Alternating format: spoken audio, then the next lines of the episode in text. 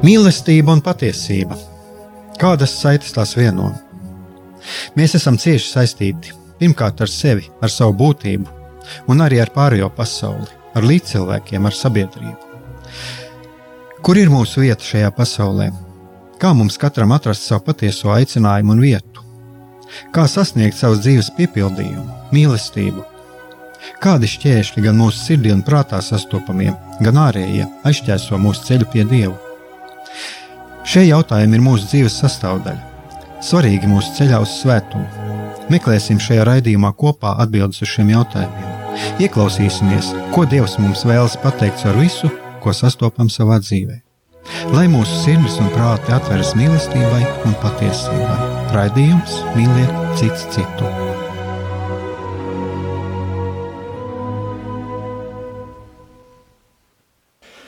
Lai top slavēts Jēzus Kristus, esiet sveicināti, darbie radioklausītāji. Šis ir raidījums Mīliet citu citu. Studijā esmu es, Aigars Brikmanis. Un šodien es padalīšos pats savās pārdomās par to, eh, ar ko man pašam personīgi nācies saskarties pēdējā laikā, Un es varētu tā teikt, ka uh, nu, pagājušajā gadā, cik es atceros, es arī man bija tādas gavēņa laika pārdomas par gavēni, kā mums ir dzīvot gabe, gavēni katram. Tad šis gavēņa laiks ir nācis mums ar kaut kādām īpašām pārmaiņām, un es varētu pat teikt, ar, ar īpašiem pārbaudījumiem. Un uh, es domāju, ka jā, uzreiz mēs varam tā domāt, nu, saistībā ar to, kas tagad notiek Ukrainā, tāda, kādi tad, nu, mums ir šie pārbaudījumi, bet uh, tomēr mēs neviens neesam atdalīti no šīs pasaules, no šīs pasaules norisēm, un uh, tā tad tomēr ir jā, jāzina, mums ir um, jāņem vērā tie procesi, kas notiek pasaulē, jo tie skar arī mūs. Un, Es domāju, nevienu reizi vien ir teikts, un, ka patiesībā jau arī Ukrāņi cīnās par mūsu brīvību, viņi cīnās par mūsu drošību, un savā ziņā tagad Ukrainas karoks, nevis tikai tādā savā ziņā, bet patiesībā Ukrainas karoks ir pasaules brīvības simbols, es to varu droši teikt. Bet eh,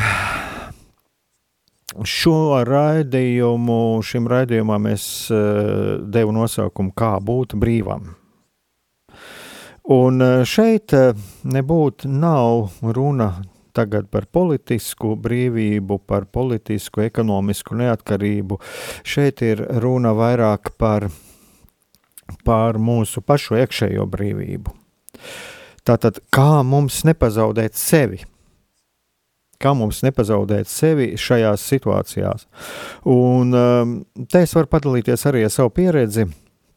Pēdējā laikā arī man pašam cilvēki ir uzdevuši jautājumus par to, kā izdzīvot šo laiku, kā mums uh, atpūsties no tā visa. Uh, ir dažādas emociju jūtu gammas, un mēs redzam, ka kā daudzu domas ir pārņemtas ar notikumiem, ar karu Ukrainā.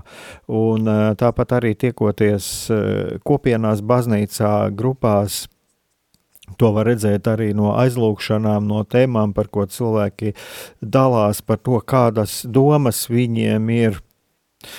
Un, tā tad lūk, ir šis jautājums. Mums no vienas puses ir šis pienākums, mums ir šī pienākuma sajūta attiecībā uz tiem, kuri cieš, kuri tagad cīnās. Mums ir pienākums arī pret tiem cilvēkiem. Jā, es teikšu, es arī varu lietot šo vārdu pienākums pret tiem cilvēkiem, kas, eh, kas bēg, mēs jūtam šo pienākumu apziņu, bet kur ir šī robeža, un vai ir šī robeža, un kur ir šī robeža, kur mēs eh, šajā situācijā varam iebraukt kādā grāvī. Tā tad nepazaudēt sevi. Un ko patiesībā nozīmē būt ar sevi, ko nozīmē nepazaudēt sevi? Un vai mums ir vajadzīgs arī kāds laiks, kāds brīdis, kāda būtībā arī apmierināt pašiem savas vajadzības? Arī šādās situācijās. Un tātad Jā, daudzu domas ir pārņemtas ar šo karu, ar to, kas uh, notiek Ukrajinā. Un pirmais, ko es vēlētos atgādināt uzreiz, tas ir tas, ka mums atšķirībā no Ukraiņiem ir daudz vairāk izvēles iespēju. Mēs dzīvojam drošībā, mēs dzīvojam pārticībā, mums uz galvas nekrīt bumbas, Mēs nezaudējam tuviniekus no šīm bumbām.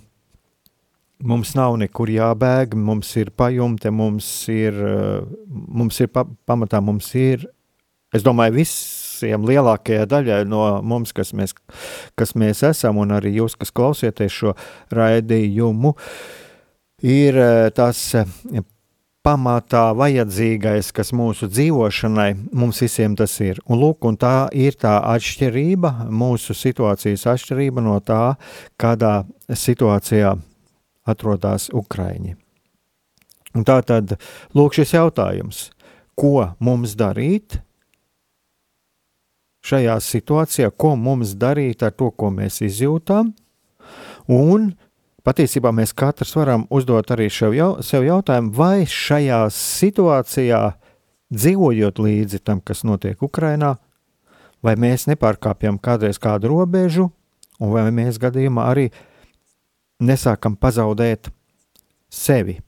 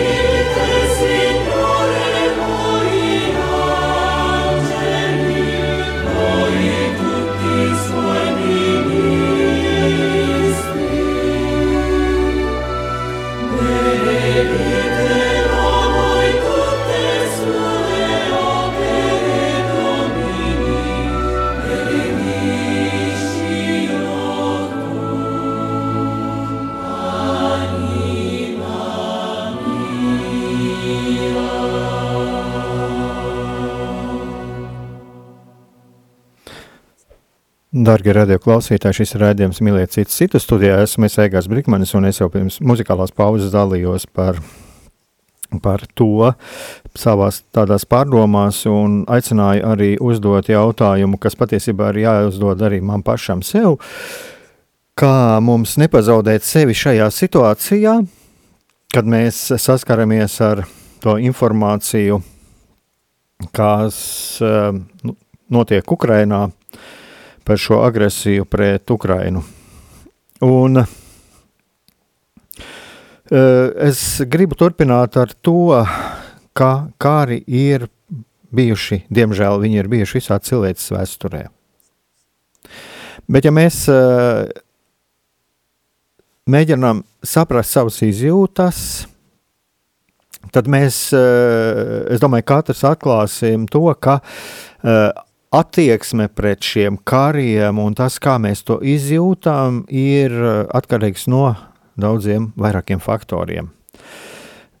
Uh, viens ir tas, uh, ko mēs varam teikt par laika attālumu. Tātad tas ir atkarīgs no tā, cik uh, ilgs laiks ir pagājis kopš šī kara. Otrs ir tieši pieredze, kas ir saistīta ar mūsu identitāti, ar, teiksim, ar mūsu zemi, ar mūsu tautu.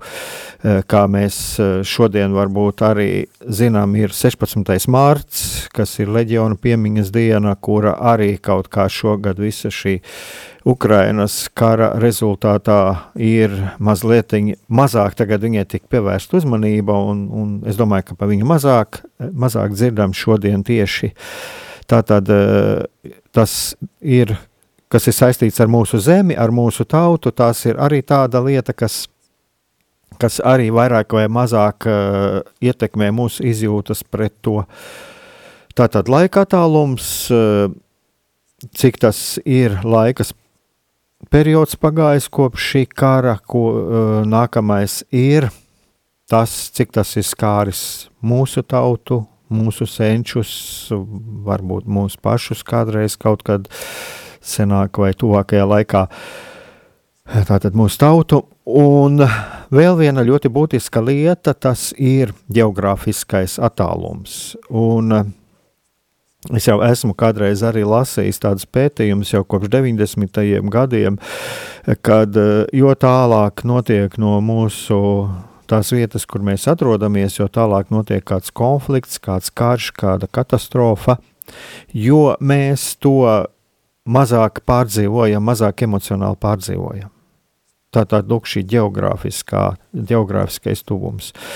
Un uh, Ukraina, patiesībā, ja mēs paskatāmies uz kartes, Ukraina pirmkārt ir netālu no mums. Otrkārt, eh, mums blakus ir agresors, un es pat teiktu, divi agresori, jo arī Baltkrievija tomēr ir sabiedrotais Putinam šajā karā. Un kas arī ir ļoti būtiski, ka mums ar Ukrainu ir arī daudz kopīga, samērā daudz kopīga. Tas ir piedzīvotas uh, padomju okupācija, piedzīvoti abi pasaules kari,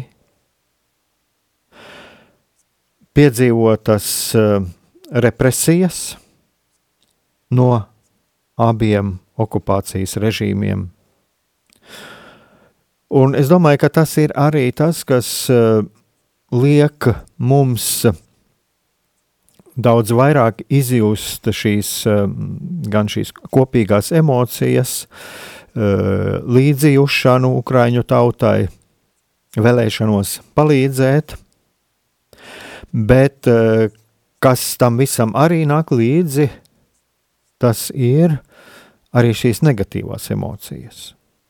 Šīs negatīvās emocijas saskaroties ar to, ko mēs redzam ar tām ziņām, kas nāk no Ukrainas. Un uh, Tātad, ko ar to visu darīt? Ko darīt ar tām visām izjūtām, ar visu, kas, ko mēs izjūtām, vērojot to, kas notiek pavisam netālu no mums, geogrāfiski salīdzinoši pavisam netālu. Kā ar to visu mums tikt galā?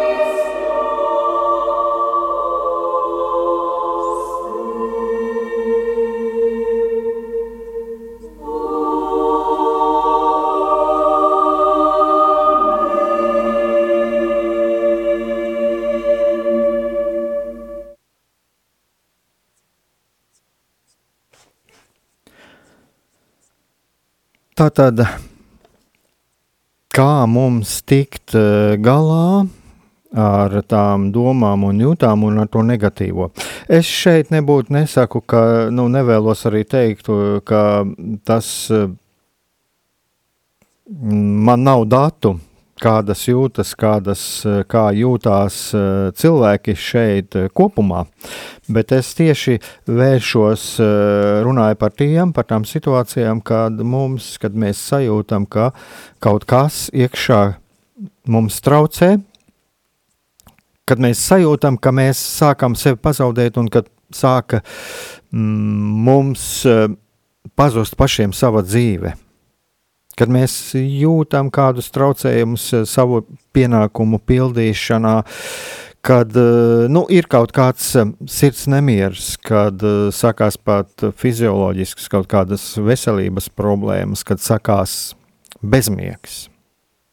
Un es lasīju pirms kādām divām nedēļām jau parādījās arī psihologi ieteikumi par to, ka šajā laikā būtu vēlams nepārsātināt sevi ar ziņām no Ukrainas. Jā, mēs zinām, mēs sekojam līdzi, mēs izlasām kādas ziņas, mēs noskatāmies televīzijā vai izlasām internetā, bet tad mēs ķeramies pie kāda darba, pie sava ikdienišķā darba, ko mēs eh, esam nodarbināti bijuši Cits varbūt var kaut ko palasīt vai ķerties pie kaut kādas, e, pie kādiem mājas darbiem. Nu, katrā ziņā katrs, kurš atrodas kādā situācijā, mm, tā tad neiegrimt šajās e, ziņās, šajā visā šajā informācijas plūsmā un atrast laiku arī sev savām vajadzībām, arī saviem pienākumiem, saviem darba pienākumiem, eh, pienākumiem pret tiem cilvēkiem, kas mums ir apkārt, līdz cilvēkiem, ģimenei un tā tālāk. Tā tad, lai nekas, lai šī situācija nepārmāc mūs, un lai mēs nepārstātu funkcionēt būtībā tur, tajā vietā, kur Dievs ir ļāvis mums būt, un tajā ceļā, kuru mums ir iedevis, kurā, kuru mums ir iedevis Dievs. Un tā tad, ko mēs varam piedzīvot, tad dažādas domas, dusmas, bailes, nedrošības sajūta un varbūt arī vēlme atriepties. Un šeit es gribētu teikt, tā, ka galvenais ir arī nenobīties no šīm, no šīm dusmām, un arī pat netiesāt sevi par šo eh, vēlmi atriepties, jo tas savā ziņā arī liecina par to, ka mūsos ir uh, dzīva šī taisnīguma apziņa, ka mums, mūsos ir dzīva šī spēja just līdzi, un kaut kādā ziņā mums ir arī vēlme, mums ir vēlme iet palīgā tiem, kas ir uh, grūtībās, kas ir nonākuši šajā traģiskajā situācijā. Tātad nenobīties, un kas attiecās arī uz to pašu vēlmi atriepties, jā, ir ļoti svarīgi, un tas arī, kāpēc es arī par šo raidījumā par to runāju, ir ļoti svarīgi, ko es daru tālāk ar šīm savām domām, dusmām, bailēm, ar nedrošības sajūtu, sajūtu un arī ar vēlmi atriepties. Šeit man nāk prātā tas, ko es esmu lasījis eh, un arī dzirdējis. Es bieži klausos arī internetā dažādas eh, teologu, garīdznieku lekcijas par svētajiem rakstiem. Un, un es esmu dzirdējis arī par Bībeli, ka cilvēki saka, tā, ka viņi negrib lasīt Bībeli, sevišķi veco derību, jo tur ir tik daudz tik daudz vardarbības aprakstīts un tik daudz uh, bieži vien novēlējumi slikti, ļauni, atriebīgi ienaidniekam, un tiešām mēs ar šiem faktiem saskaramies. Bet uh, es esmu lasījis arī Bībeles pētnieku atziņas un par to, ka patiesībā tie lāsti, ko mēs lasām Bībelē, ties ļauna novēlējums pretiniekam patiesībā ir radies tajā brīdī, ka šie cilvēki ir piedzīvojuši ļoti lielu ļaunumu, ka viņi piedzīvojuši ļoti lielus pāri darījumus, un ka tādā veidā viņi izkliedz tās savas sāpes uh, par to, ko viņam šis pretinieks ir nodarījis.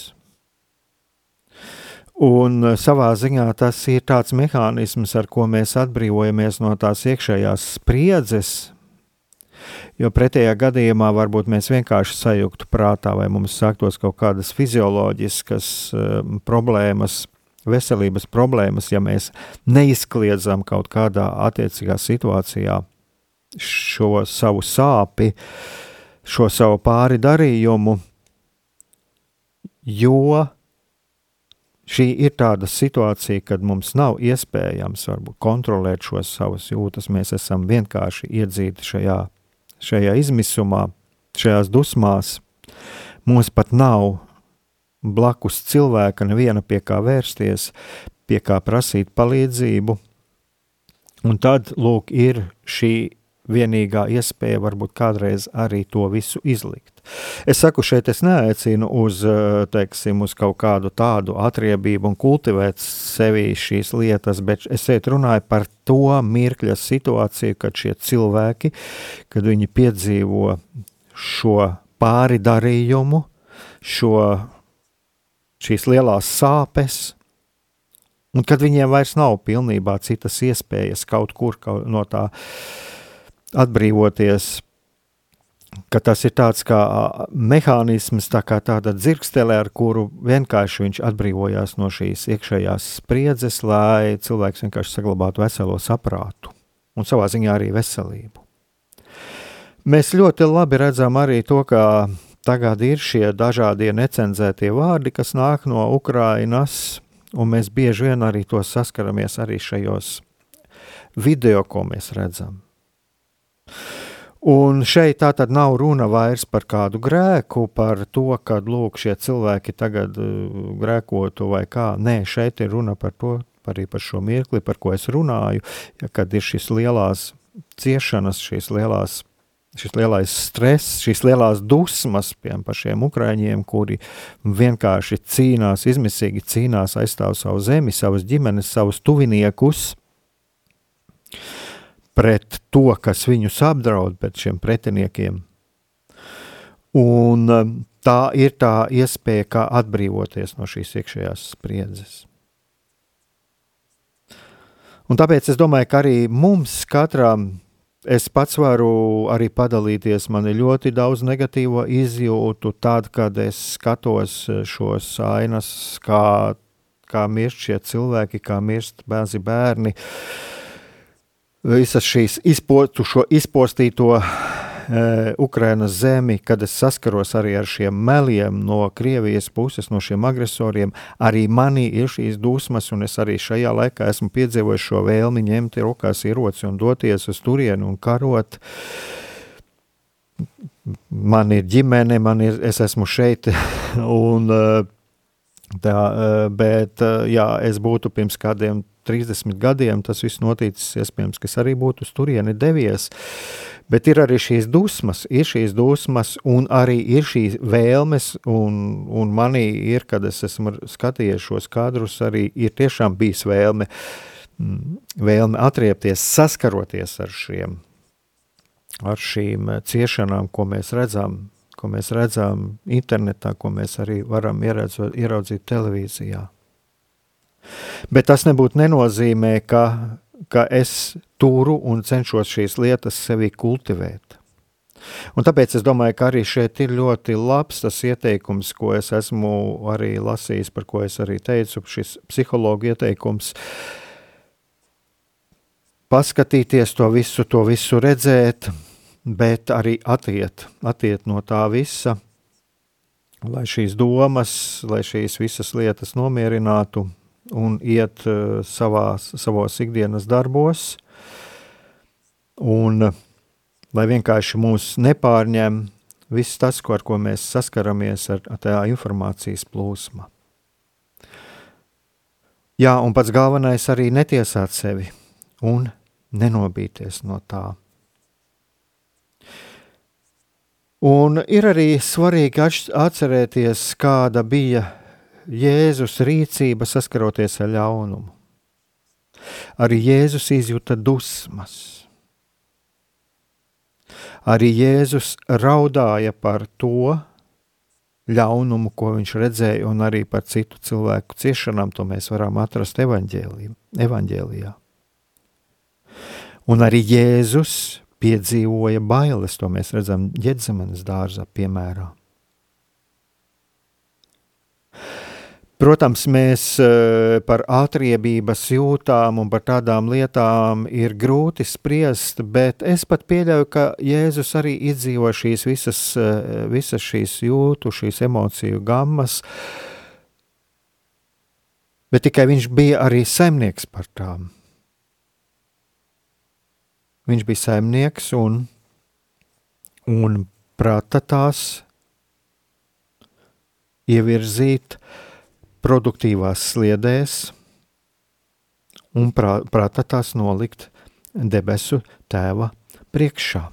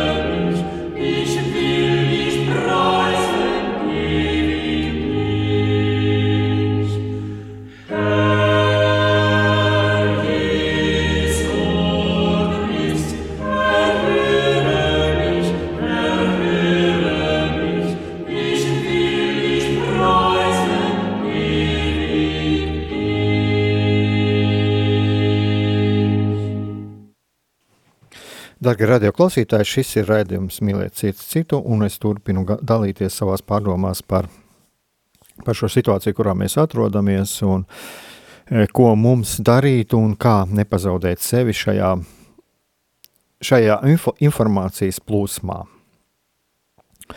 kas ir saistībā ar e, šo eh, Krievijas agresiju pret Ukrainu. Un turpinājumā es gribētu uh, aicināt saukt lietas īstos vārdos. Jo mēs, protams, ir pareizi, ka mēs esam aicināti lūgties par mieru Ukrajinā, un tas ir, tas ir vajadzīgs. Tas ir arī viens no paņēmieniem, un uz ko mēs esam visi aicināti.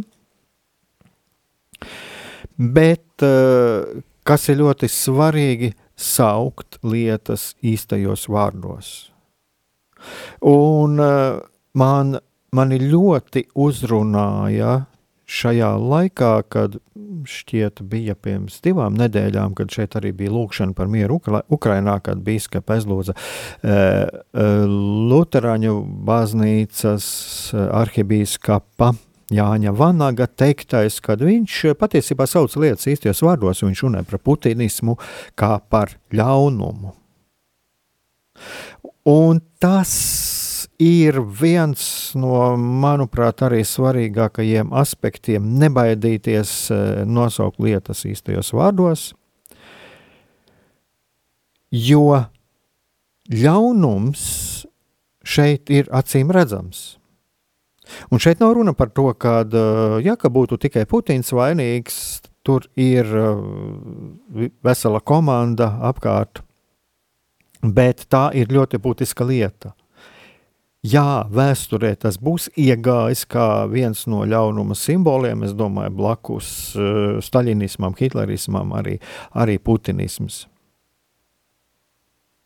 Un tas nebūtu nenozīmē, ka tagad tas, kurš nosauc šo vārdu putinisms kā ļaunums, kad ka tas nozīmē kādu uh, aicinājumu uz atriebību, vai, piemēram, teikt, ka tagad Putins ir pavisam paze, pazudināts un uh, ka viņam vairs nav glābiņa. Uh, jā, mums ir bieži grūti to atzīt, bet gan Putins, gan Staļins, gan Hitlers, gan visi šie varmā, kas uh, viņi ir arī radīti, mīlēti, Dieva mīlēti. Lai cik mums būtu to grūti bieži vien šādās situācijās pieņemt. Bet tādā pašā laikā mēs atzīstam, mēs atzīstam, ka viņi dara ļoti lielu ļaunumu, jā, un mēs varam arī atzīt, un, un pateikt, un tas ir vajadzīgs pateikt, ka tas ir noziegums, ko šie cilvēki ir darījuši, un noziegums ir tas, ko tagad dara Krievija Ukrainā. Un tādā, ja mēs saucam lietas īstajos vārdos, mēs nenonākam pretrunā paši ar sevi. Mūsos nav vairs šī polītkorektuma, un mēs esam spēruši vienu soli pretī patiesībai, patiesības atzīšanai. Tātad nosaukt lietas īstajos vārdos.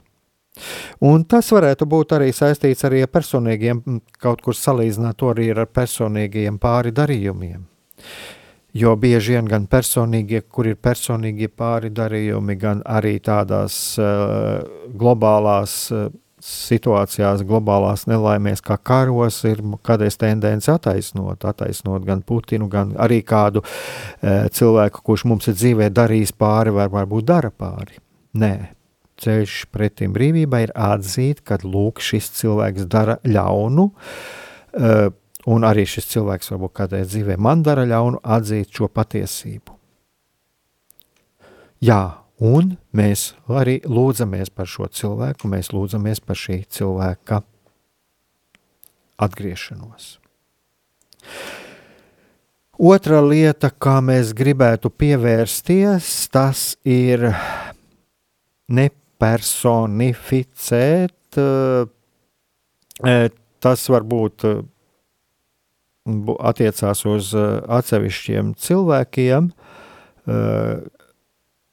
kas saistās ar piedarību kādai tautībai. Ko es ar to gribētu teikt? Ar ko, ar ko es ar to gribu teikt? Tas ir, mēs bieži saskaramies arī Facebookā. Es redzu, parādās komentāri, kur ir tendence vainot kaut kādas konkrētas tautības cilvēkus. Mēs varbūt drīz arī piedzīvosim provokācijas no Krievijas, kad sāks kaut kādā veidā, jau tas jau ir parādījies, kad sāk vainot Ukraiņus. Bet šeit es gribētu arī aicināt, tomēr nevērsties pret Krieviem tikai tāpēc, ka viņš ir Krievu tautībai piederīgais, bet uh, katrā, katrs personīgi ir atbildīgs par savu nodarījumu. Es, protams, eh, Latvijā man šķiet samērā mierīgi šis viss ir gājis cauri, un nekādu tādu incidentu es vismaz neesmu dzirdējis, ka tāds būtu bijis. Bet uh, es pieļauju, ka var parādīties kaut kādi tādi incidenti, ka mēs varam sākt vainot visus kādai konkrētai grupai piedarīgos pār šo agresiju Ukrainā tas ir tieši Krievu tautībai piederīgos, tad katrs ir atbildīgs pats personīgi par savu vainu. Putins ir atbildīgs, un arī šie cilvēki, kas ir Krievijā, ir izprovocējuši šo atbildību. Viņi ir atbildīgi par šo vainu. Tātad, ko tas nozīmē? Tas nozīmē izvairīties no varbūt es neprecīzi lietoju šo vārdu, nepersonificēt. Tas īsti neiedarās patiesībā.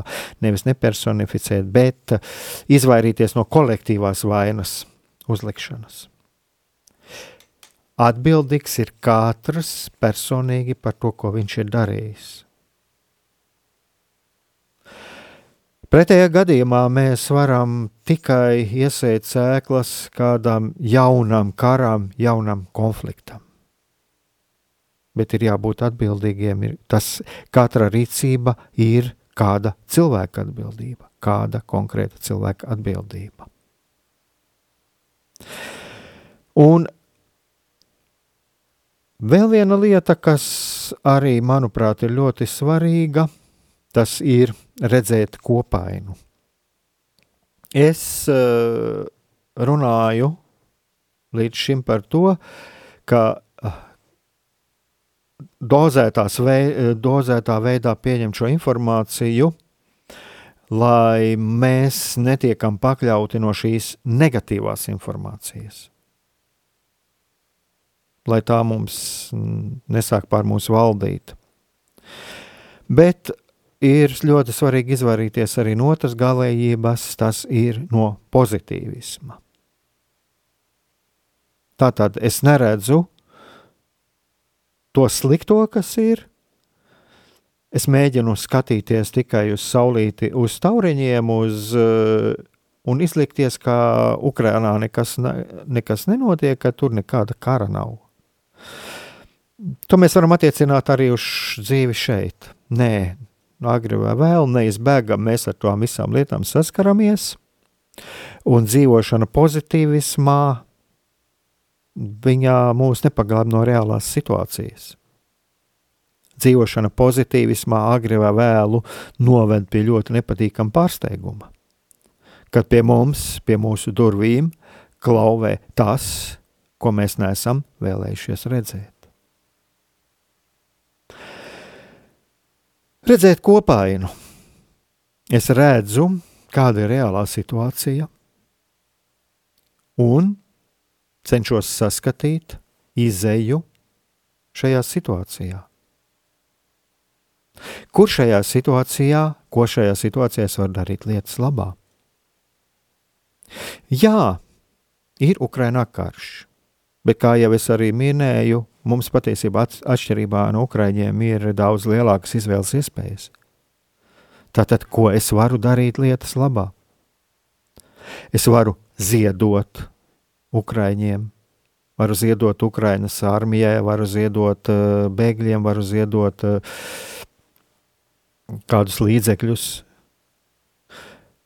Galu galā cilvēks var doties brīvprātīgi palīgā,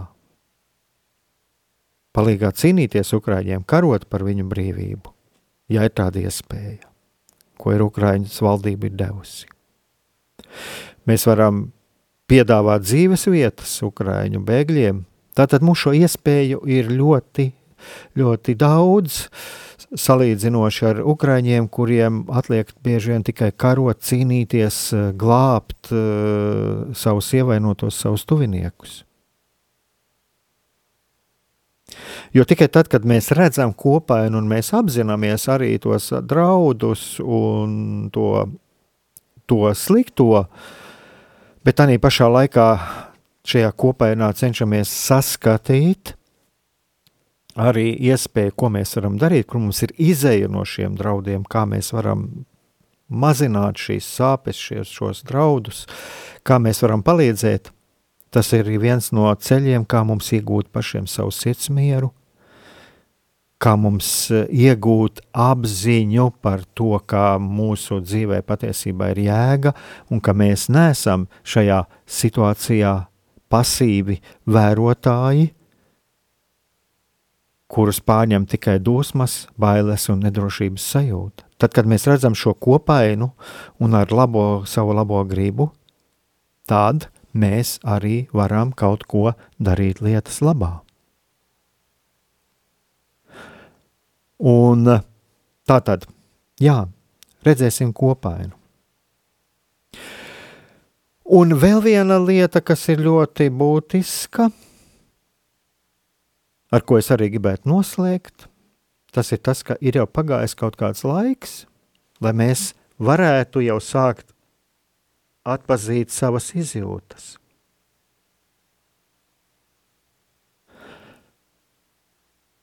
Un tad mēs varam uzdot sev jautājumu, es atvainojos, man te šķiet ir kaut kāds jautājums vai ziņa. Mēģināšu atrast.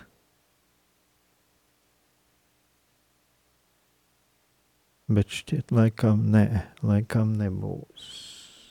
Jāmācās man apieties ar šo.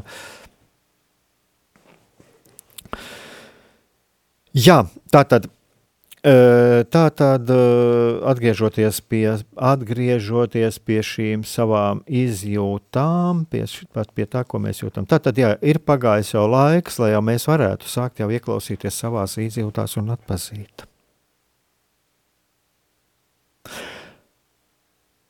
Un mēs katrs varam arī uzdot sev jautājumu, ieklausīties sevī, kas ir šīs izjūtas, kas ir šīs domas, kurā brīdī no kā tās nāk?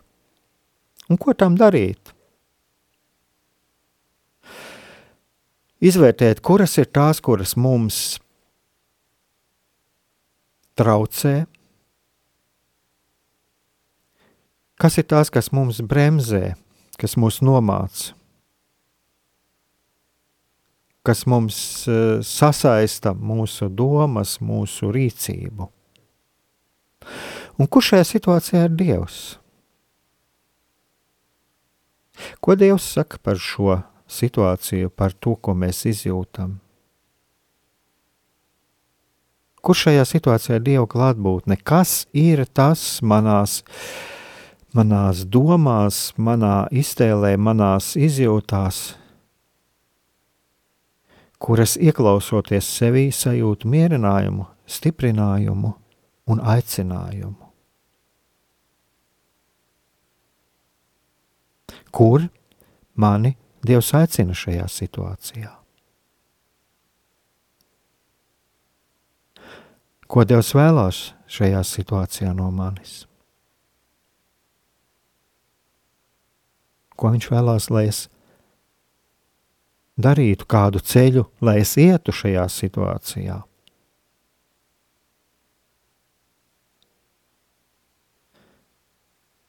Kurš ir tas ceļš? kurš mani vedīs šajā situācijā, kopā ar Jēzu. Ieklausīsimies sevi, savās domās, savās sirdīs, kur mūs aicina Jēzus. Slava Ukrainai, varoņiem slava!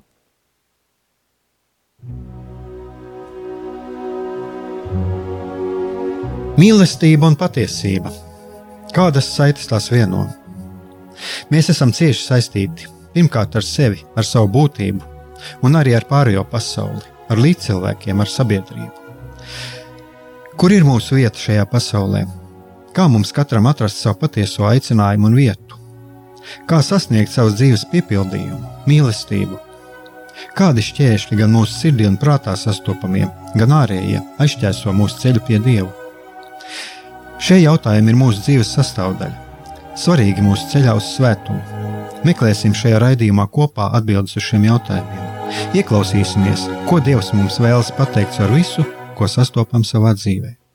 Lai mūsu sirds un prāti atveras mīlestībai un patiesībai, raidījums mīliet citu citu.